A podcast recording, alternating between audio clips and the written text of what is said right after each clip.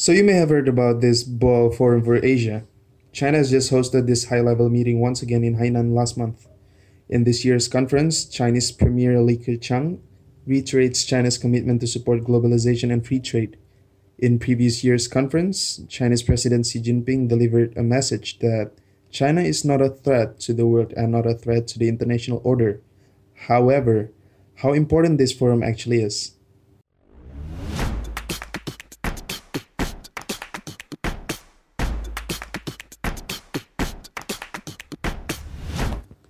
Hi, I'm Rifki, your host for today's episode of Silk Road Tomorrow. Today, we will be joined again by Angelo to discuss about this Boao Forum for Asia. Angelo, can you please walk us through the basics and basically what do we need to know about this Boao Forum for Asia?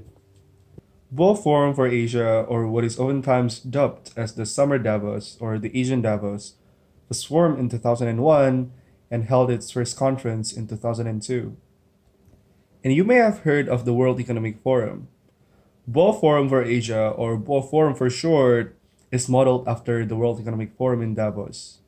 So, if you have been guessing or wondering where does the name Summer Davos come from, your guess is right. Since its first conference, it has held meetings on annual basis. Topics that have been discussed in this conference varied from China's entry to WTO, Asian financial crisis in the 90s, and other topics involving economics, integration, cooperation, society, and the environment. So, what's so special about this forum? And is there any interesting facts that we need to know about this forum? In 2004, they had a very interesting topic. They discussed about China's peaceful rise in the forum. I also find it interesting that this forum was founded by 26 Asian and Australasian states. Why is that necessarily interesting? Because it's, in a sense, inclusive and not China centric. Anyway, even Christine Lagarde, the managing director of the IMF, attended the meetings, particularly the one in 2018.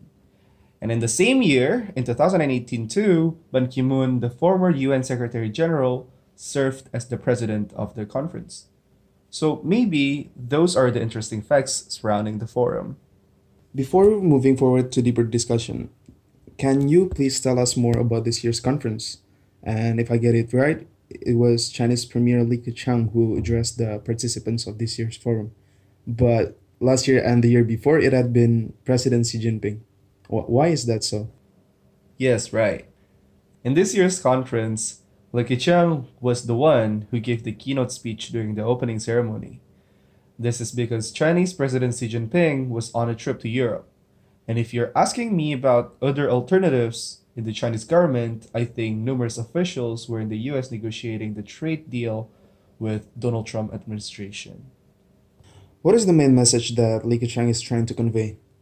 As I said before, Li Keqiang gave the keynote speech this year. And basically, Li Keqiang stressed the importance of multilateralism and rejected protectionism. I think this has something to do with the growing unilateralism and protectionism in so many parts of the world. And China wants to portray itself as a responsible international player that is committed to multilateralism and reject protectionism. And China wants to portray itself as a responsible international player that is committed to multilateralism and reject protectionism. That is why he stressed that China supports globalization and free trade it is interesting to see that in last year's conference, Xi Jinping said, quote, We will never threaten anyone nor overthrow the existing international system, unquote. The way I see it, China is trying to use Boao Forum in addition to other international and multilateral platforms to spread the message that China is committed to multilateralism, it is not a threat to anyone, especially the United States. Other than that, Li Keqiang reiterates China's view that WTO is in a dire need of reform.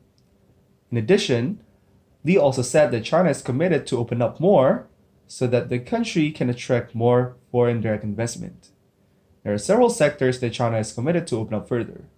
The sectors are transportation, infrastructure, telecommunication, medical care, and education. So Boao Forum is held annually in Hainan province of China because this forum has a secretariat uh, in Hainan. Let's talk a little bit about Hainan and how it relates to our region, Southeast Asia. Hainan is interesting not only because of its geographical proximity with Southeast Asian countries, but also because of its newly gained status as the 12th free trade zone in China.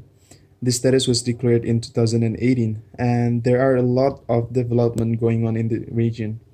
So, Angelo, what can we expect from this opening up? And is this part of China's effort to further open up the country? First of all, we have to remember what Li Keqiang said. He said that the sectors that will be opened up further include transportation, infrastructure, telecommunication, medical care, and education. So, what we can expect from Hainan's new status as free trade zone in China is more inward investment coming to Hainan. Other than that, we can expect Hainan to be more free trade oriented. Some experts would also say that Hainan will be liberalized in a sense that it is less controlled than the rest of the country. So it is not impossible that in the future, big overseas companies can set up their headquarters in Hainan. Extremely speaking, once again, extremely speaking, we can expect Hainan to be the next Hong Kong or Shenzhen. So, in future episodes, you can expect more discussions about China's involvement in international and multilateral forums and how China is using those forums to spread the message that China is a friend of multilateralism globalization, and free trade, and China is rejecting protectionism and unilateralism.